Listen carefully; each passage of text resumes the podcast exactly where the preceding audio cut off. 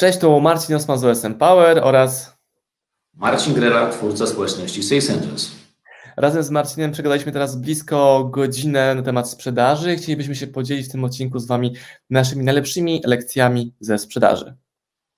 Na temat tego, co, dzia co działa, co nie działa, co wynika, jakby, co wpływa na naszą skuteczność i jak prowadzić biznes w Polsce. Tutaj mamy różne, czy mieliśmy różne opinie na ten temat, więc sprawdźcie, który bardziej pasuje do Was. Wideo pojawi się sporo kontrowersji, dużo mięcha i konkretu. Zapraszamy serdecznie do spędzenia z nami tych 40 kilku minut. Warto. Marcin Osman, OSM Power. Dziękuję Wam bardzo. Marcin Grela, Sales Angels. Wymyśliliśmy sobie z Marcinem Grelą, Marcin Osman z Marcinem Grelą, że podzielimy się z Wami naszymi lekcjami na temat sprzedaży, bo obaj się tym zajmujemy i pozwoli to Wam poznać, w jaki sposób my myślimy o sprzedaży, jak sprzedajemy. I hasłem przewodnim tym webinaro, rozmowo, wywiad y, jest zdanie jakby skutecznym. Bo dla mnie sprzedaż to bycie skutecznym. A czym dla Ciebie, Marcinie, jest sprzedaż? O ja, no to właśnie się zaczyna teraz, bo może być wersja short i może być wersja long. Ja bym wersję short, takie skondensowane są najlepsze. Znaczy, ja bym powiedział tak, że dla mnie jest pomaganiem, ale zdaję sobie z tego sprawę, że w Polsce szczególnie y, y, ta definicja nie do końca się jeszcze przyjmuje. Na razie trochę to zmieniamy, idziemy pod prąd, ale pomaganiem w tym sensie, że mm, idziemy do klientów, żeby dać im coś konkretnego, w sensie dać im coś, czego oni potrzebują, dajemy im konkretną wartość i w zamian otrzymujemy wynagrodzenie. I teraz e, mówię to celowo w opozycji do tego, co w większości być może ty nawet się spodziewałeś e, usłyszeć, albo też co najczęściej słyszymy, że, że tak sprzedaż polega na tym, żeby mm, e, odnieść sukces, tak, czyli żeby żeby sprzedać, żeby być skutecznym. E, ja jestem bardzo daleko od takiego, takiej definicji też handlowca, że handlowiec, dobry do takich, który sprzeda wszystko wszystkim. Także nawet, o, jak to się mówi, e, piasek Arabom i śnieg Eskimosom, to jest mi bardzo dalekie. Ja uważam, że sprzedaż prawdziwa jest sprzedażą taką, która jest wymianą wartości. I to naszą rolą, jako też ludzi sprzedaży, jest dokonywanie pierwszego kroku. Czyli e, najpierw idziemy z tym nastawieniem, żeby dać, a dopiero później, żeby wziąć. Znowu w opozycji do tego, co w większości y, gdzieś tam na szkoleniach się uczyliśmy, y, że idziemy i od razu mamy w głowie, y, że mamy do zrealizowania jakiś cel, mamy swój target i, i, i czasem kolanem musimy docisnąć klienta, żeby tu i teraz podpisał, a już totalnie czymś nagminnie występującym, a czymś, czego nie cierpię, powiem wprost, jest to, kiedy dzwonimy do klientów, jako ludzie sprzedaży, teraz mówię oczywiście bardzo ogólnie, zdarzają się tacy ludzie i mówią, wiesz co, drogi kliencie, y, dzisiaj jest y, koniec miesiąca i ja muszę dopiąć y, plan za styczeń czy za luty, więc proszę kup ode mnie ten produkt, bo inaczej wywalą mnie z pracy. Czyli tak zwany szantaż emocjonalny. Także dużo o tym można mówić, ale generalnie sprzedaż polega na... Szantaż emocjonalny to jest żebranie, to nie szantaż emocjonalny. Tak, wiesz, to jakby tego nie nazywać, to po prostu to jest słabe, jest to poniżej pasa, ale niestety to występuje w sprzedaży. Więc jakby wracając do tego, czym jest sprzedaż, to jest oczywiście bycie skutecznym i e, i tu się dalej z Tobą zgadzam, natomiast bardziej chodzi mi o ten sposób tej skuteczności, to znaczy nie taki krótkoterminowy, tak, tylko sposób długoterminowy. Ja też uważam, że długoterminowo skutecznym, skutecznym można być tylko poprzez dopuszczenie do swoich narzędzi i strategii działania niesprzedawania, czyli niesprzedawanie niewłaściwym osobom niewłaściwych rzeczy. Czyli można odnieść ogromny sukces w jakiejś firmie, która handluje kołdrami czy gankami dla emerytów. Można zarabiać ogromne pieniądze. Jest to w miarę łatwo nauczalne, bo to jest ten sam wzorzec kopiuj w klej, statystyka, ilość spotkań i jedziesz, i, i działa, i kupujesz sobie Mercedesy, domy, i masz strukturę i tak dalej. Ale później musisz wrócić do domu i wziąć prysznic, nie? bo nie chcesz się z tym utożsamiać. Wydaliśmy książkę Fredrika Klunda, Sprzedaż, i ona ma, ona ma tytuł oryginalny The Sell, i tam był podtytuł How to Sell Everything to Everyone. I my w polskiej wersji dodaliśmy prawie wszystko, prawie każdemu. I dopiero z tym zdaniem jestem w stanie tą książkę i tego autora promować. Wiadomo, rynek amerykański jest trochę inny, tam jest taki mocny hype, że you can tak, do tak. it, everything, ABC closing, don't pitch the beach i takie tam inne linery, ale tak, bycie skutecznym to również jest odpuszczanie, czyli niesprzedawanie, eliminowanie złych lidów. Tak, ale, ale zwróć uwagę, co zrobiłeś, to znaczy zmieniłeś coś, co było w oryginale, tylko po to, żeby zachować pewną spójność. I, tak. właśnie, i właśnie to jest przykład wielu handlowców dzisiaj na polskim rynku, bo my de facto w głębi gdzieś tam serca, w środku chcemy być dobrzy, no, chcemy być spójni, chcemy robić dobre rzeczy, a później idziemy do korpo i nagle nam każą sprzedawać rzeczy, w które my nie wierzymy. Jest taki zgrzyt, że z jednej strony wiesz, w domu jest kredyt do zapłacenia, leasing, tak, albo cokolwiek innego, e, a z drugiej strony mm, jest nasze własne sumienie. Ja to przerobiłem na, swojej, e, e, na swoim własnym doświadczeniu i powiedziałem, że nigdy więcej, dlatego między innymi już dzisiaj nie mam w branży finansowej, bo powiedziałem, że nie, nie mogę znaleźć produktu, przynajmniej wtedy, zanim założyłem społeczność CSM, nie mogłem znaleźć takiego, który pozwoliłby mi sprzedawać z czystym sumieniem, stworzyć sobie po tym prysznicu później w lustro w łazience i powiedzieć tak, faktycznie jestem dumny z tego, że jestem sprzedawcą, że jestem handlowcem. Wiesz, takich ludzi w Polsce są tysiące, to są setki tysięcy ludzi, którzy chcą pracować w sprzedaży, mają ku temu predyspozycję, e, tylko mają wewnętrzny zgrzyt między tym, czego są uczeni, a co chcieliby i w jaki sposób chcieliby to faktycznie robić. Więc ja uważam, że sprzedać może być skuteczna i może być zgodna ze swoimi wartościami. To powiem Ci, że mnie w sprzedaży najbardziej denerwuje nie to, co Ty prezentujesz, co Ty właśnie powiedziałeś, że stosowanie niewłaściwym osobom, ale mnie w sprzedaży mega jako klienta wkurza to, że ktoś mi nie chce sprzedać. O Jezus Maria, jak mnie to wkurza, że ja chcę wydać... Ale w jakim sensie, jeżeli nie chcecie sprzedać? A dru...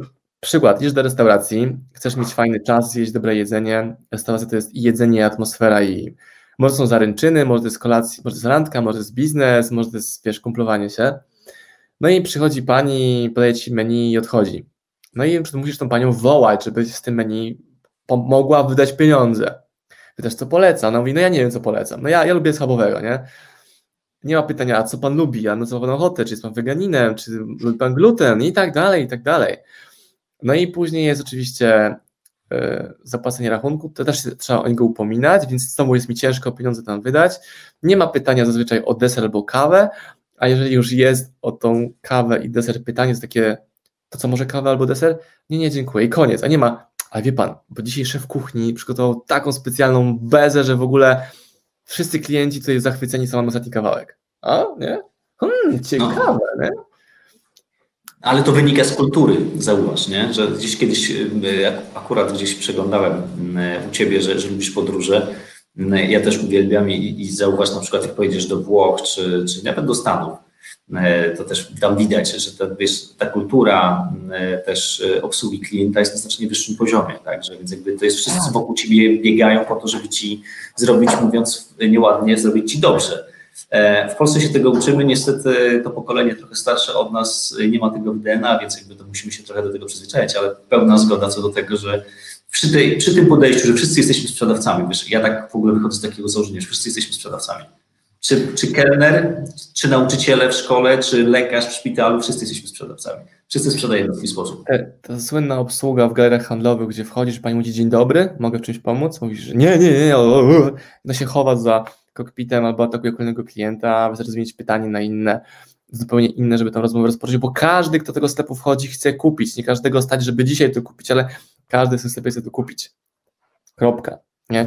Też brzydzę się bardzo, ktoś mówi e, w branży rozwojowej, no, no, weź kredyt i kup sobie to szkolenie tam za 50 tysięcy na przykład. Weź sobie kredyt, to ci pomoże. To jest dla mnie straszne. Albo ktoś, kto sprzedaje dzieciom, nawet nie dragi, bo to jest oczywiste, że nie, ale drogą wiedzę. I mi zdarzają się takie wideo raz na pół roku, raz na kwartał, gdzie już nie wytrzymuję, nagrywam wideo o zjawisku. Nie wiem, sprzedawania dzieciom, wiedzy bardzo drogo, albo właśnie nie sprzedawania mi jako klientowi w jakichś miejscach. Ja też mam taką hipotezę, która jest dosyć kontrowersyjna, jestem ciekaw, co tym sądzisz, że większość biznesów teraz pada nie przez pandemię, ale przez to, że nie potrafią zrobić tego zwrotu i wymyślić nowego sposobu sprzedaży. Co o tym sądzisz? To wiesz, to jest oczywiste. W sensie oczywiste znowu w tym sensie, że że tak naprawdę biznes zaczyna się od sprzedaży i kończy się na sprzedaży. Wiem, że w międzyczasie mamy jeszcze inne ważne elementy w biznesie, które muszą funkcjonować, e, ale od sprzedaży się to wszystko zaczyna. Wiesz, no, jako przykład nawet z naszego podwórka społeczności CSN Just mogę Ci powiedzieć, że w momencie, kiedy my jako społeczność się spotykamy, zawsze spotkaliśmy się wcześniej stacjonarnie. Wiesz, spotkania na sali. I teraz wyobraź sobie społeczność, która e, jest przyzwyczajona do tego, że jest spotkanie z ekspertem, że są e, rozmowy zakulisowe, że wymaga to fizycznej obecności i nagle przychodzi pandemia i okazuje się, że no nie możemy się złapać, nie możemy się spotkać, nie? więc jakby szybko zrobiliśmy taki zwrot, że przechodzimy w pełni do, do online. Z rekrutacją u mnie, bo też zajmuję się rekrutacją ludzi sprzedaży, było trochę łatwiej, bo, bo wiele rzeczy można było już e, zrobić online, często te rekrutacje już były wcześniej, ale też to widzę po biznesach też różnych członków społeczności, że największy problem mają ci, którzy się gdzieś tam mentalnie cały czas przyzwyczaili do tego, że w dany sposób się robiło przez tyle lat i tak to musi dalej wyglądać. A im większe organizacje, tym bardzo często większy problem z tym, żeby się przestawić. Trochę wiesz, jak, jak rozpędzony pociąg, nie? jak on jest taki e, e, długi z wieloma wagonami, to zanim on wyhamuje i zmieni kierunek jazdy, to trochę czasu minie. Zgadzam się z Tobą w 100%, że, że tak jest. To ludzie, którzy mają problem, żeby się przestawić, gadają ze mną, no to nie mogę, o Jezu, trudno, nie. Mają łatwiej teraz, bo pandemia zmusiła nie tylko firmy, ale klientów do bycia online. Ja miałem dwa tygodnie temu rozmowę godzinną z panem, który normalnie, z firmą, która buduje domy z gotowych komponentów, nie? Czyli to jest wydatek rzędu 500 tysięcy do miliona i wcześniej to musiałeś się spotykać, umawiać, oni cię zabierali na jakąś tam budowę przykładową, jakiś demo house, teraz nie ma. I co? Pan webinarek pięknie, wszystko wytłumaczone, nie potrzebujesz tego spotkania w ogóle, żeby iść dalej. Wiadomo, tracimy ten element czarowania na sprzedaży, patrzenia na emocje i w ogóle, i poczęstowania dobrą kawą i ha, ha, ha, co u pana, bo mówisz, że masz godzinę, ale fajne jest to, że to jest porówno dla sprzedawcy i dla klienta, nie? że obie strony muszą być w internecie. Starsi ludzie teraz robią zakupy na masę w internecie. Nauczyli się. Przeskok technologiczny był bardzo szybki, bardzo, bardzo szybki. I mówi się właśnie o tym, że bardzo dobrze przyszła pandemia, bo zadziały się pewne rzeczy, które by się wydarzyły w, w ciągu być może trzech albo pięciu lat, zadziały się w ciągu 10 miesięcy, tak, czy nawet 6, bo nagle się okazało, że wiele firm zda, zdawało się w bardzo krótkim czasie przestawić na, mhm. na działania online, więc mhm. e, zgadzam się z Tobą co do tego, że to często jest też w naszych głowach i że to jest bardziej ten mindset, który decyduje o tym, że będziemy rozpaczać, E, I jeżeli ktoś ma dobry mindset, jakby już wcześniej obserwował to, co się dzieje na rynku, już wcześniej tak naprawdę zaczął sprzedawać online, nie potrzebował do tego pandemii. Natomiast niektórzy mają taki naturalny lęk jednak przed zmianami. Mm, on się gdzieś tam z czasem, tak zwana, ta już taka trochę wyświetlana strefa komfortu na tyle, mm, no, na tyle się umocniła, że, e, że jeżeli nie musowo się zmieniać, no to, no to wytrzymam ile się da. I nagle przychodzi pandemia i okazuje się, że już nie ma żadnych E, i innych argumentów, wymówek, po prostu trzeba to zrobić. Jak tego nie zrobić, to ci nie ma. I, Dobra, to, to, rzeczy, to jest trudne, ale wiem, że to w tym sensie jest też potrzebne. Ja mam coś takiego, wiesz, też chyba to masz, e, że w każdej sytuacji starasz się jednak szukać tego, co dobre, nie? I, I myślisz sobie o pandemii, że jest wiele niekorzystnych e, skutków ubocznych pandemii, związanych chociażby ze zdrowiem, z sytuacją ludzi starszych, ale z drugiej strony myślisz sobie, ile w tym dobrego też dla nas, dla różnych biznesów, że pewne procesy zadziały się szybciej. Ja sobie zadawałem pytanie, co by było, gdyby. co jest kluczowym elementem mojego biznesu? Jest internet. No i to było, gdyby wyłączono internet. To dopiero byłyby jaja, nie? No i było wahnięcie Gmaila i YouTube'a chyba dwa tygodnie temu, no. że zniknęło na chwilę coś jak Gmail. Doświadczyłem tego, chciałem wysłać, nie mogłem. To wróciło po pół godzinie. Więc zadaję sobie też pytanie, co będzie, jak w ogóle zlikwidują internety, no trzeba będzie pójść w offline. No dobra, nie można pójść w offline, to co trzeba robić? Pójść w nielegalny offline, nie? I tak sobie poradzisz też. Tak samo też przecież brałem udział w konferencjach, ostatnia konferencja 7 marca 2020, 500 osób na sali prawie. No i co? No, i, no nic, no nie ma konferencji i działamy z tymi ludźmi online. Albo przełom grudnia, listopada nikt nie wiedział jeszcze, rok temu, że tak się Aha. dzieje. I zadałem sobie pytania, dobra, co będzie, jeżeli stracę moje zasięgi internetowe? No to mam wizytówki tych 100, 130, 500 osób na przykład. Gdzieś mam pochowane po szafach z przeszłości. No będę obdzwaniał jeden po drugim i będę się mały na spotkania prezentacyjne celem zakupu książki na przykład. Albo będę robił model, e, wiesz, z tymi e, jakimiś hotelami czy ośrodkami dla emerytów, z tymi książkami też tam będę jeździł. Różne opcje są, że być otwartym i elastycznym. No właśnie, ale z czego to wynika? Nie z tego, moim zdaniem, to wynika przede wszystkim z tego silnego wewnętrznego przeświadczenia, mm, e, że poradzisz sobie w każdych warunkach, nie? że już wiele razy, e, dlatego też ja generalnie nie lubię dzielić ludzi na kategorie, ale jedna z takich, które pojawiają się w sposób naturalny, moim zdaniem, to jest taka kategoria, że ludzie, którzy są przed kryzysem i po kryzysie. Mi osobiście znacznie, znacznie łatwiej e, współpracuje się i w ogóle robię biznesy z ludźmi, którzy są już po kryzysie To nie wynika z wieku, bo czasem niektórzy trudne doświadczenia mają w wieku dwudziestu kilku lat i rozmawiasz czasem z 25-latkiem, który jest naprawdę łebski, kumaty i, i dojrzały, a czasem rozmawiasz z 50-latkiem i myślisz sobie, kurczę, ten koleś jeszcze ma parę lekcji do przerobienia. Więc jakby mówię w, w tym kontekście, że mm, zdecydowanie mm, jakby tego typu e, podejście, że co by się nie działo, to, to dam radę, bardzo często wynika z tego, że przeżyliśmy coś trudnego w swoim życiu.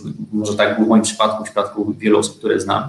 E, czy to była jakaś trudna sytuacja ze zdrowiem, z finansami, czy cokolwiek innym. I doszliśmy do takiego przekonania, że skoro sobie z tym poradziliśmy, to poradzimy sobie z każdą sytuacją. I to nas wzmacnia na tyle, że po prostu co by się nie działo, to wiemy, że znajdziemy rozwiązanie. I to nas różni od tych, którzy, którzy zamiast szukać w tym czegoś dobrego, szukać rozwiązań, szukają dziury w całe. Tak myślę. No bo trudne jest doświadczenie dyskomfortu. Teraz modne jest e, morsowanie i ludziom łatwiej jest wejść do zimnej wody niż zadzwonić do klienta na przykład, nie? gdzie na poziomie fizjologicznym, no to masz wstrząs włożenia w gacie do zimnej wody dwustopniowej, no tam jest wstrząs, dostajesz strzała w całe ciało, a umiesz głową i oddychaniem to uspokoić. A jednocześnie ci sami ludzie mają problemy w innych obszarach życia, w finansach, w biznesie, bo trzeba się bardziej takiego biznesowego e, rozważania dzisiaj niż relacji, związki, coś tamtego, nie? No to jest fascynujące, że są sportowcy, którzy potrafią sobie wrzeźbić ciało, o, mega, ale nie potrafią zbudować wokół tego biznesu, a potrzeba i tu, i tu dyscypliny, i tu, i tu dyskomfortu, i tu, i tu pracy z bólem. No dobra, a to według Ciebie w takim razie, to ja trochę się zabawię w, w dziennikarza. To z czego to wynika, że ktoś, kto e, potrafi wejść do wody i morsować, ma problem z tym, żeby wykonać taki telefon? Według Ciebie? że, że wbrew pozorom wybrał rzecz łatwą dla siebie. Może mieć predyspozycję, może mieć nie wiem, znajomych, którzy to robią, więc dla niego morsowanie nie jest takie dziwne, czyli dla mnie morsowanie nie jest dziwne. Kiedyś było dziwne, bo nie znałem nikogo, kto morsuje. Widziałem jakieś zdjęcia, wiesz, głuptasów w zimie wpadających do zalewu jakiegoś Zębożyckiego czy Kryspinowa. A jak pojawiło się wokół mniej więcej tych ludzi, no to też mam inne postrzeganie. Czyli mi się wydaje, że wszyscy morsują, bo na Facebooku siebie widzę morsujących ludzi, bo sam w tak. tych grupach jestem. No i e, też jest nieumiejętność pokładania biznesu wokół tematyki, jaka ich interesuje. Czyli ja zawsze sobie zadaję pytanie, dobra, jeżeli moją nową pasją jest to zimne oddychanie Wim Hof, to czy jest coś, co ja robiąc to mogę opakować również w biznes? Więc na przykład wydałem książkę Wima Hofa, który jest guru od e, ekspozycji na zimne oddychania. Więc sobie łączę dwa w jednym. Jak już do tej wody włażę, to raz, że mam doświadczenie fizjologiczne, ale również mam zdjęcie, jak trzymam książkę stojąc w wodzie i w lodzie. I później to zdjęcie lata jako reklama na Facebooku i to generuje mi zamówienia produktów, które sprzedaję. Nie mam książek kucharskich, a jak sobie myślę, że mają, chcę pokazywać gotowanie, no to co postawię iPhone koło kuchenki, pokazuję, jak tam mieszam te naleśniki czy coś. I wymyślę wokół tego kolejny produkt. A wydaje mi się, że właśnie ludzie, wydaje mi się, że to jest rozłączne, że okay, moją pasją jest, nie, są rowery, więc muszę iść do roboty, do korpo, żeby na te rowery zarobić. Albo idą w drugą skrajność, że no to muszę założyć sklep rowerowy. Co wcale nie jest takie łatwe. A może wystarczy trzy e-booki za, napisać o rowerowaniu i pomyśleć, jak je dystrybuować zewnętrznym, wiesz, żeby dopasować do siebie sposób tego biznesu. No dobra, a może my, Marcin, jesteśmy szczęściarzami, którzy są w tej licznej, licznej grupie, która e, robi coś, co uwielbia i potrafi na tym zarabiać, nie? Ale jest jakaś duża grupa ludzi, którzy nie będą zakładać kolejnego wydawnictwa, nie będą zakładać kolejnej społeczności, po prostu będą szli do korpo czy do jakiejś, e, nie wiem, firmy średniej, małej i będą sprzedawać e, coś, do czego nie muszą być wielkiej pasji, ale ich e, szef, menadżer będzie oczekiwać skuteczności, czyli już wtedy ten telefon dostaną. Wiesz, i oni, zauważ, jak idziesz forsować, teraz tak, żeby było jasne, Aneta, koordynatorka Sales Angels, bardzo mnie do tego namawia, ale ja w dalszym ciągu jeszcze, e, jeszcze nie morsowałem. E, ale na ile zacząłem obserwować też moich znajomych, to faktycznie często morsują i to jest cała ceremonia. Tak, że się idzie razem, nie jest się samodzielnie, tylko jest się z kimś, ktoś trochę inicjuje, że tam się wchodzi, zaprasza. To jest super, żeby było jasne, ja mam to w planie, żeby zacząć. E, Zapraszam. Więc jakby, tak, coraz, coraz, coraz, coraz bliżej mi do tego. E, e, ale jest pewna grupa i to jakby sprzyja temu, żeby zrobić coś, czego być może samodzielnie, albo jestem przekonany, że wielu ludzi samodzielnie nie zostałaby morsem, gdyby nie otoczenie, nie grupa. Tak, dlatego tak dużo tych grup facebookowych, które się wzajemnie wspierają.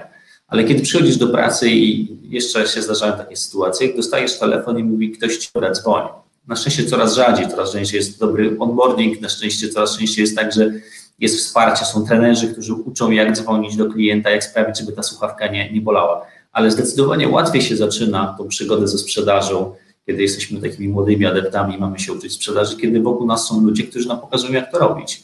Którzy są tymi właśnie, którzy nas wprowadzają do wody, tylko nie do wody tej faktycznej, fizycznej, tylko tej wody biznesowej, no. sprzedażowej i mówią, dobra, dobra ale... zobacz, jak to będzie szło. No, to jest łatwiejsze, natomiast w mojej ocenie nie jest to warunek krytyczny wymagający, że to się musi zadziać.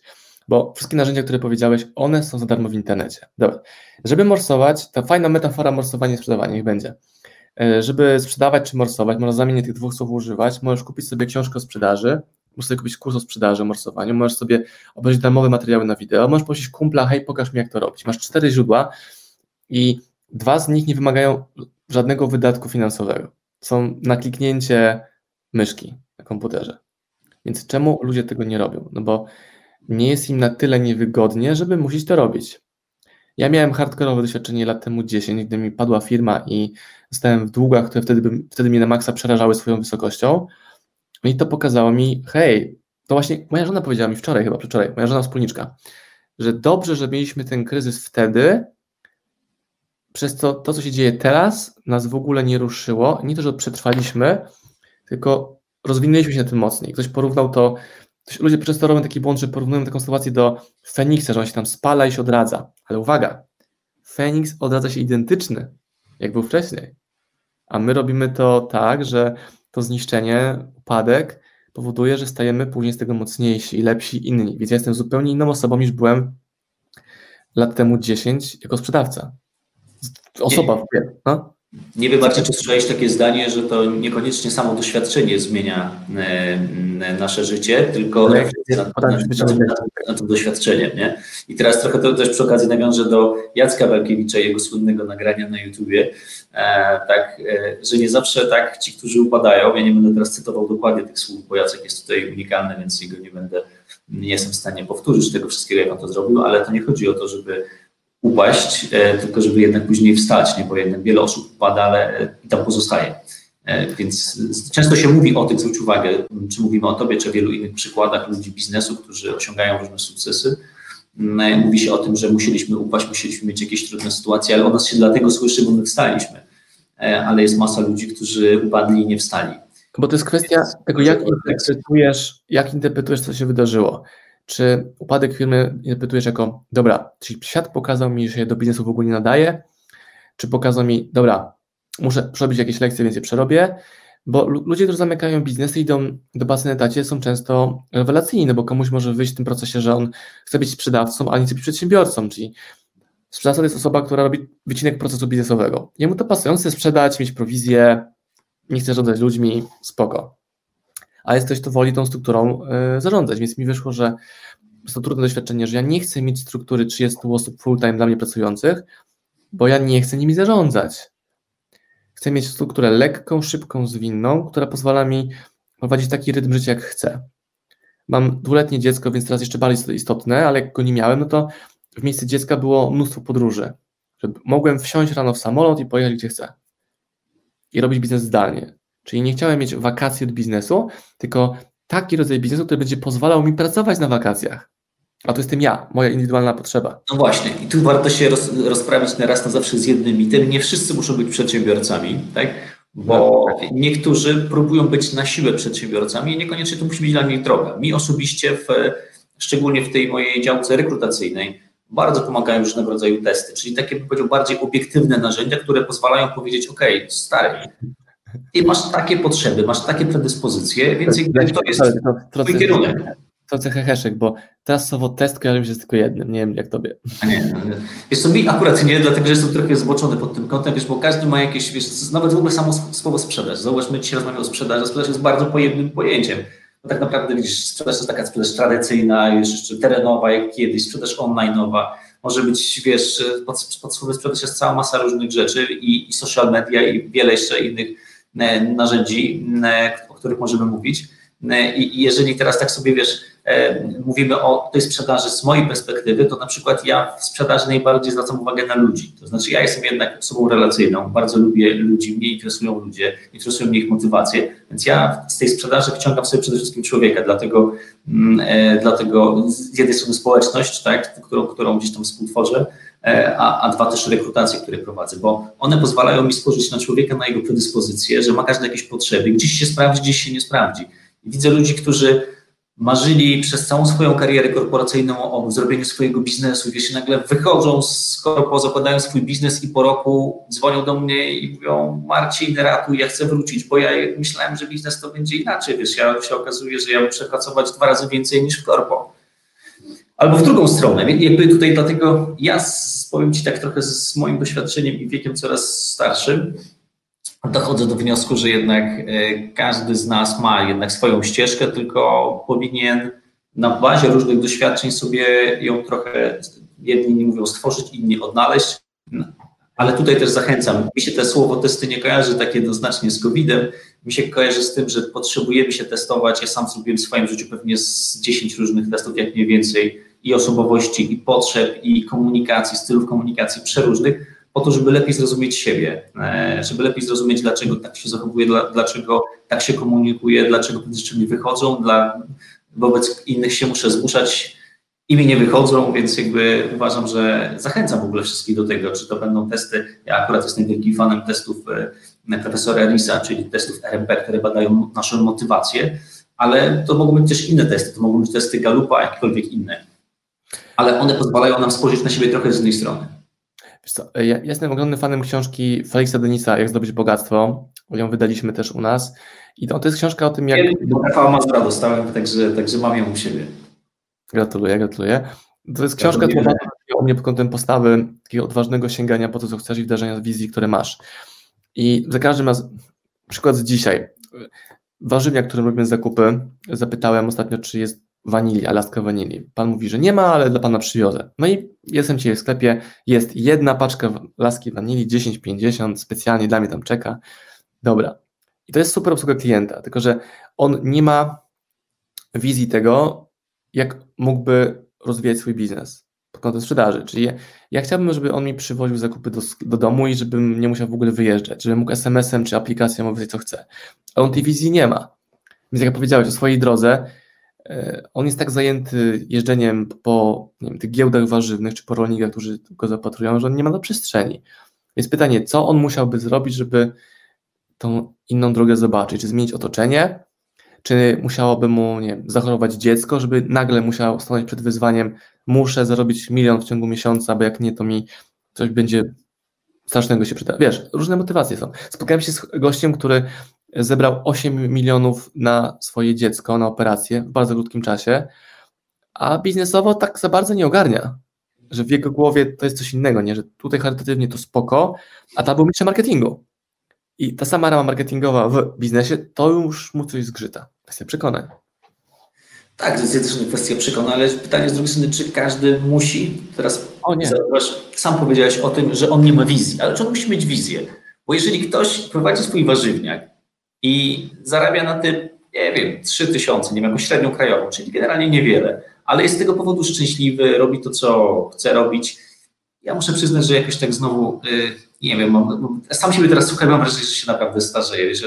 Ja w tym roku, może dlatego, że e, ostatnio planowaliśmy z żoną 2021 e, i nagle sobie zdałem z tego sprawę, że we wrześniu obchodzę 40 urodziny e, w tym roku i tak sobie myślałem, cholera, już, ale to, już, to już jest dziadek po prostu, który ma 40 lat. Teraz jak sam siebie słucham, to sobie mówię, w moim wieku, z moim doświadczeniem, myślę, cholera, co się ze mną stało. A prawda jest taka, moja prawda, przy czym tak jak mówię, moja nie musi być też prawdą twoją czy inną, jest, jest taka, że nie musimy wcale robić, każdy nie musi być przedsiębiorcą i nie musi robić wszystkiego tylko dlatego, żeby osiągać sukcesy, bo jeżeli ktoś jest szczęśliwy z tym, że robi coś małego i to mu sprawia frajdę, to nie uszczęśliwiajmy go Właśnie. na siłę. Słowo klucz. Jeżeli jest, natomiast większość osób nie jest, jasno to komunikuje, że jest nieszczęśliwa, niezadowolona i tak dalej.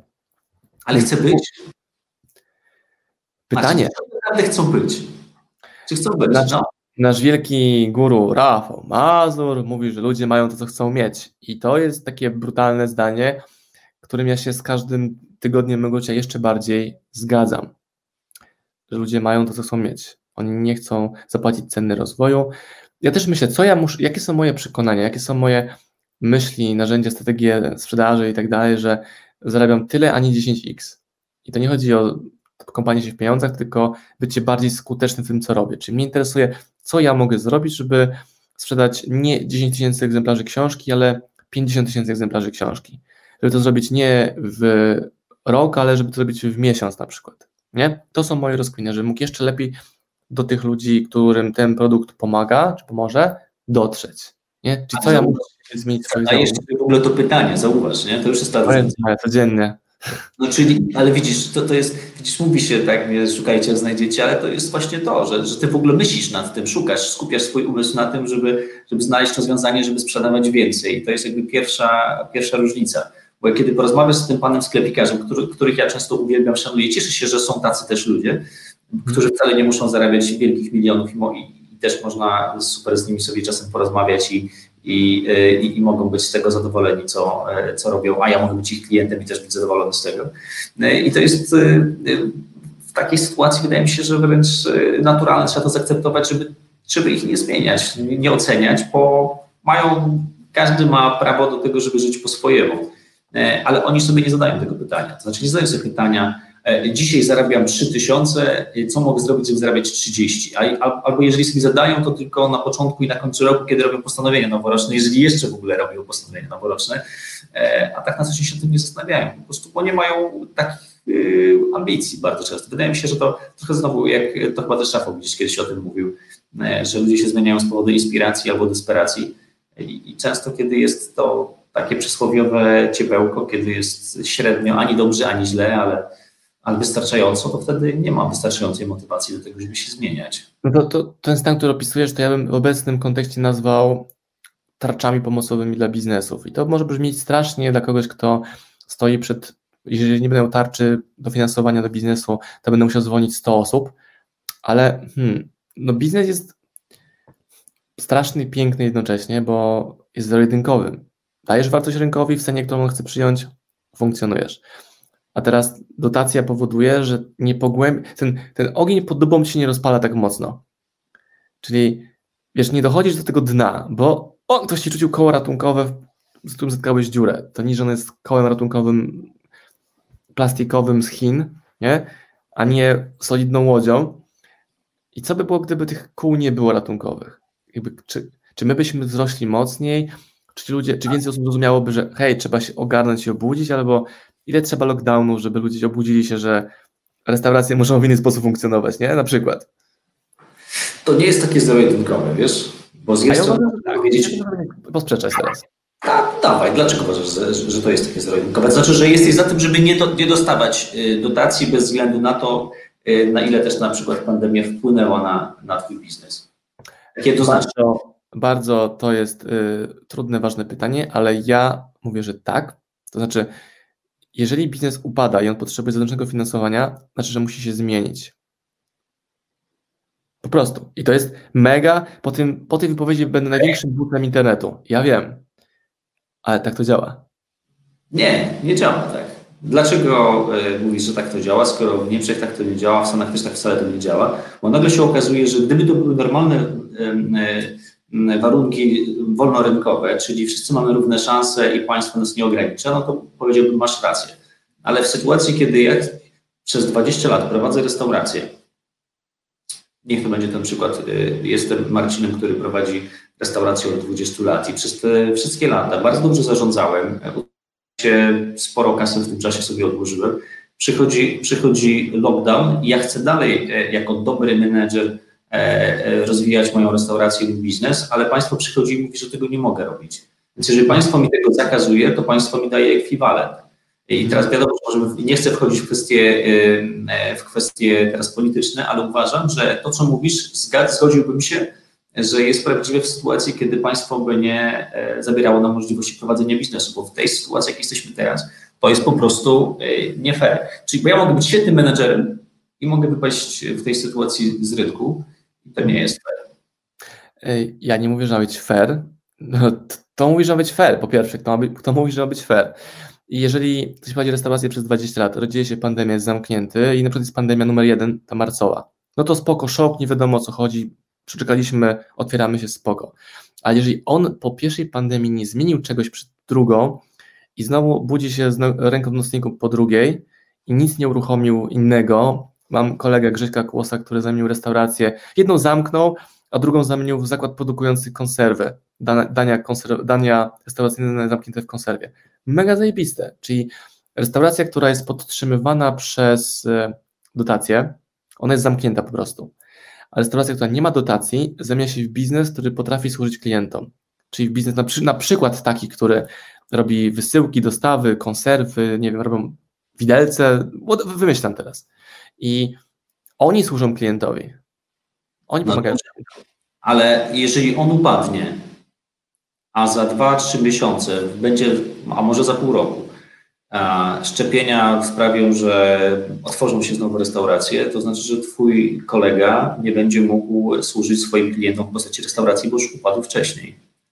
Tak? Pytanie, jak on sobie z tym radził? Co on w tym czasie ja, robił? Ja, drugi przykład, bo wspomniałeś o swoim. Ja mam bardzo dobrą, serdeczną koleżankę Wiktorię Iwanowską, nie wiem czy znasz, ona prowadzi od wielu lat agencję mm, e, eventową E, I ona mm, zrobiła rzecz genialną. Jak tylko się pojawiła pandemia, wiesz, mówimy o restauracjach, które jednak mają opcję, nie wiem, e, robienia dań na wynos, ale agencje eventowe nagle zupełnie stanęły. Wiesz, myślę, że to, nie wiem, czy jest jakiś biznes, który aż tak mocno dostał po tyłku jak agencje eventowe. Czekaj Marcinie, teraz e, zawiesiłeś mi się. Jestem cały czas. Jesteś. Okay. I nagle i nagle agencja eventowa nie jest w stanie e, w ogóle funkcjonować, bo wszystkie korporacje, wszystkie firmy nagle odwołują eventy na najbliższe 12 miesięcy. Co ona wymyśla? Wymyśla, że nagle będzie e, robić coś zupełnie innego i dla tych korporacji proponuje, e, proponuje usługę lekcji zdalnych dla pracowników siedzących w domu, pracujących na home office, tak żeby w tym czasie ktoś mógł pracować, ktoś mógł zajmować się z ich dziećmi. I to jest jakby przykład, że można tak robić, ale nie wyobrażam sobie, że teraz nagle wszyscy właściciele agencji eventowych robili właśnie, właśnie to samo, bo to, by, to nie sprawi, że nagle ten biznes trzymasz. Musisz zwolnić ludzi bez pomocy państwa w, tej, w tym przypadku i to żeby było jasne. To nie jest tak, że państwo nam tutaj robi łaskę. Nie? To jest, wiesz, ja tutaj trochę jestem wolnościowcem w takich kwestiach, czy uważam, że państwo nam w żaden sposób nie robi łaski. Po prostu, jeżeli nam odbiera prawo do prowadzenia działalności, to mówiąc nieładnie, zasadnym obowiązkiem tego państwa jest nam teraz dać ekwiwalent. Ja mam inne podejście. Znaczy, jeżeli założyłem firmę w Polsce, to wiem, że warunki są zmienne, często nieprzyjazne. Czyli ja to już wiem w momencie zakładania tej firmy w Polsce, czyli w momencie wchodzenia do tej gry. Ja wtedy już wiem. Mogę robić tą firmę w innym kraju, mi się nie podoba, ale ja wybieram, że robię to tutaj. Więc te rzeczy, które się dzieją, są elementem tej gry. I to nie jest tak, że ja chcę się przekonać, że jest inaczej niż my, się pokazujecie mój punkt widzenia. I mój punkt widzenia jest cały czas taki, jakby twój argument nie przekonuje mnie do zmiany. Ja uważam, że przedsiębiorca to jest ktoś, kto potrafi pivotować, zmieniać, zamknął drzwi, wejdzie oknem, dostanie po dupie, to będzie miał mocniejszą skórę. To jest bardzo brutalne podejście, ale to właśnie w mojej ocenie jest podejściem, które pozwala przetrwać trudne czasy i wyjść z tego dwa razy lepszym, a nie tylko wyjść jak Feniks taki sam. Ja mam propozycję dla Ciebie w takim razie. Chyba wczoraj czytałem o e, Gołębiewskim, tym właścicielu tych sieci hoteli gołębiewskich, tak, tak, tak. który, który gdzieś, e, gdzieś, gdzieś, gdzieś widziałem, chyba też ktoś z moich znajomych mówił e, też mi o tym, że może przetrwać jeszcze najwyżej tam miesiąc czy, czy, czy dwa. Wyobrażam sobie, jak te jego wielkie obiekty, wielkie hotele, które stoją puste, jakie mają koszty stałe, do tego ile mają, ile mają pracowników na utrzymaniu i nie mogą w ogóle funkcjonować. Proponuję Ci, jeżeli masz y, taki masz paradygmat, y, zamienić się z panem Gołębiewskim na trzy miesiące z tymi kosztami, odpowiedzialnością wobec pracowników i ich rodzin i sprawdzić, y, czy, czy, czy, czy to zda, czy, czy poradzisz sobie. Bo moim zdaniem, znowu, żeby było, żeby było jasne, na poziomie tej samej koncepcji też tak się, też tak uważam, że wchodząc w buty przedsiębiorcy, musisz się liczyć z tym, że będzie często masa nieprzewidzianych sytuacji, musi być do tego gotowy, ale to nie są sytuacje, które, e, e, takie w przypadku COVID-u, e, i odbioru możliwości prowadzenia biznesu, bo dostaniesz za to z tego tytułu jakieś duże kary, że one są usprawiedliwione i jakby masz udawać, że się nic nie stało. No ale to jakby wiesz, pewnie nie dojdziemy do konsensusu tutaj w tym przypadku, ale naprawdę proponuję zadzwonić do pana Gołębickiego, wrzucić się w te buty jego i tak pozarządzać takim biznesem przy tych kosztach stałych. Mógłbyś kombinować, stawać na rzęsach, a spodziewam się, że no, może to jest, żeby było jasne, ponieważ ja mam dużo empatii, ja już sobie trochę wchodzę w, twoją, w twoje buty i myślę sobie, a może to jest moje ograniczenie, a może ja w tym momencie się mylę. Może tak być. Może to ja... jest kwestia, czy jesteś liderem na czas pokoju, na czas pokoju czy na czas um, wojny, pokój czy wojna. Czy, czy on sobie może z tym poradzić? Oczywiście, że może sobie z tym poradzić. Mówisz o odpowiedzialności wobec pracowników. On jest odpowiedzialny wobec biznesu. Ty mówisz o odpowiedzialności społecznej. Jego, jedyny, jego jedynym głównym celem jest to, żeby biznes przetrwał. Jeżeli e, ceną tego jest zwolnienie 90% osób, no to on to musi zrobić. Znowu jestem największym busem w internecie w tej chwili, jak to mówię. No ale tak to właśnie działa. No tak to właśnie działa. A okay. co Ale koszty stałe w postaci prądu i innych kosztów, których nie może po prostu pozbyć się z w krótkim czasie są niemożliwe, tak jak w przypadku firm, które... Czy mówimy o biznesie Gołębiewskiego, czy mówimy o majątku Gołębiewskiego? Mówimy o biznesie. Mówimy o biznesie. No ale to jest tylko przykład, wiesz, bo możemy równie dobrze wziąć masę firm. Ale chciałem Ci jeszcze Marcin pokazać, jako, że inne spojrzenie. Nie, że mam rację, to nie masz tylko inne spojrzenie. Że być może jego hotel upadnie, ale on nie upadnie jako przedsiębiorca. On nie upadnie jako on osoba. On ma majątek, nieruchomości, oszczędności, kontakty, zasoby, ciastka robi jeszcze. On nie upadnie. Biznes jest jego narzędziem, produktem, jedną z wielu rzeczy. To, że on mówi w internecie, jak zastosowałeś, że jeszcze wytrzyma miesiąc, dwa, trzy, okej, okay, no dobrze, ale on jako Gołębieski zapewne sobie poradzi. Bo jest przedsiębiorcą, który prowadzi biznes, nie wiem, z 50 lat już pewnie, może ze 40. Dobra, jako italofil nawiążę trochę do tego, e, że uwielbiam podróże po Włoszech i zawsze uwielbiam to, czy jak jadę do Włoch, czy jest w Niemczech, czy w Europie Zachodniej, że możemy obserwować tam firmy, które są na rynku od 200, 300 albo więcej lat, oczywiście to takie często umowne, ale chwalą się tym, że nasza firma istnieje od już tam pokoleń. Polsce z racji oczywiście poprzedniego systemu tego nie było. Ale to, co było piękne, to, co jest dla mnie właśnie piękne, że pewna jest pewna ciągłość, kontynuacja biznesu, pewnej historii, co ma dzisiaj swoją wycenę rynkową i dlatego, kiedy myślimy o nie wiem, dobrych ciuchach, samochodach, to bardzo często mamy, myślimy właśnie o, o Włoszech. I teraz, dlaczego tak jest? Bo w sytuacjach nadzwyczajnych, których nie jesteśmy w stanie przewidzieć, to jednak po to jest, też jest rola państwa, jak, jak w przypadku takim jak teraz z COVID-em, żeby pozwolić nam dalej funkcjonować, bo jeżeli pozwolimy upaść takiemu biznesowi, to Kobieski sobie poradzi. Tylko, że mm, skutki, e, mm, po pierwsze tego biznesu już nie będzie i pewnej historii już nie odtworzymy, to po pierwsze, po drugie skutki też niefinansowe będą na tyle ogromne, że to po prostu się nie opłaca. Tak jak się mówiło w Stanach, że niektórzy są za, niektóre firmy są za duże, żeby upaść, to ja uważam, że w Polsce za mało bronimy naszego kapitału e, i za mało jest tego takiego wspierania. teraz nie mówię o tym, żeby nacjonalizować zaraz wszystko po kolei, nie właśnie wręcz przeciwnie. Pozwolić ludziom działać, a jeżeli się ludziom e, jak najbardziej pozwalać działać, a jak się nie pozwala ludziom, e, biznesom działać, zabierając możliwości prowadzenia biznesu, to w takiej sytuacji należy to jakoś inaczej równoważyć. Śmieję się nie, nie, że cię wyśmiewam, broń Boże, tylko jakby moja odpowiedź będzie puentą naszej rozmowy, jakby moim zamknięciem tej rozmowy, że masz bardzo dużo romantyzmu, a ja już go nie mam. Znaczy... Tak, no ja może dlatego widzisz, może, te, może po 40 będę bardziej, y, mniej romantyczny. Na razie jeszcze jestem, bo uważam, albo, że... Albo ja będę bardziej romantyczny po 40, bo jeszcze 40 nie mam. A no widzisz, no to może o, o, okaże się, nie? wiesz jak to jest. Ja jestem bardzo otwarty na to, na wszystkie nowe doświadczenia, zobaczymy. Ja e, liczę na to, że wszyscy oczywiście przedsiębiorcy sobie świetnie poradzą, e, szczególnie ci, którzy e, podchodzą do tego w ten sposób, co ty biorą od ciebie to, co najlepsze i jednocześnie biorą coś tak ode mnie. Chodzi o poskładanie swojej własnej układanki. Marcin Osman, Marcin Grela w 44-minutowej pasjonującej rozmowie na temat sprzedaży, biznesu, polityki, rozwoju, Rafała Mazura i innych wielu ciekawych tematów. Dzięki Marcinie za rozmowę. O Jezu, powiedziałeś o Rafale Mazurze, przecież ja Ci nie zadałem pytania, jaki jest Twój ulubiony odcinek Rafała Masz jakiś taki ulubiony? E, osiem odcinków e, naszego wspólnego podcastu. poza, poza twoim.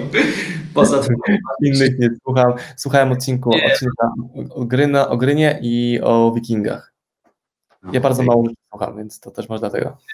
No, no dobra, no dobra, bo ja myślałem, że tutaj porozmawiamy, jako ty i ja jesteśmy wielkimi fanami Rafała, że pogadamy o ulubionych odcinkach, a to proszę, przygotuj się wtedy, wtedy do następnego odcinka.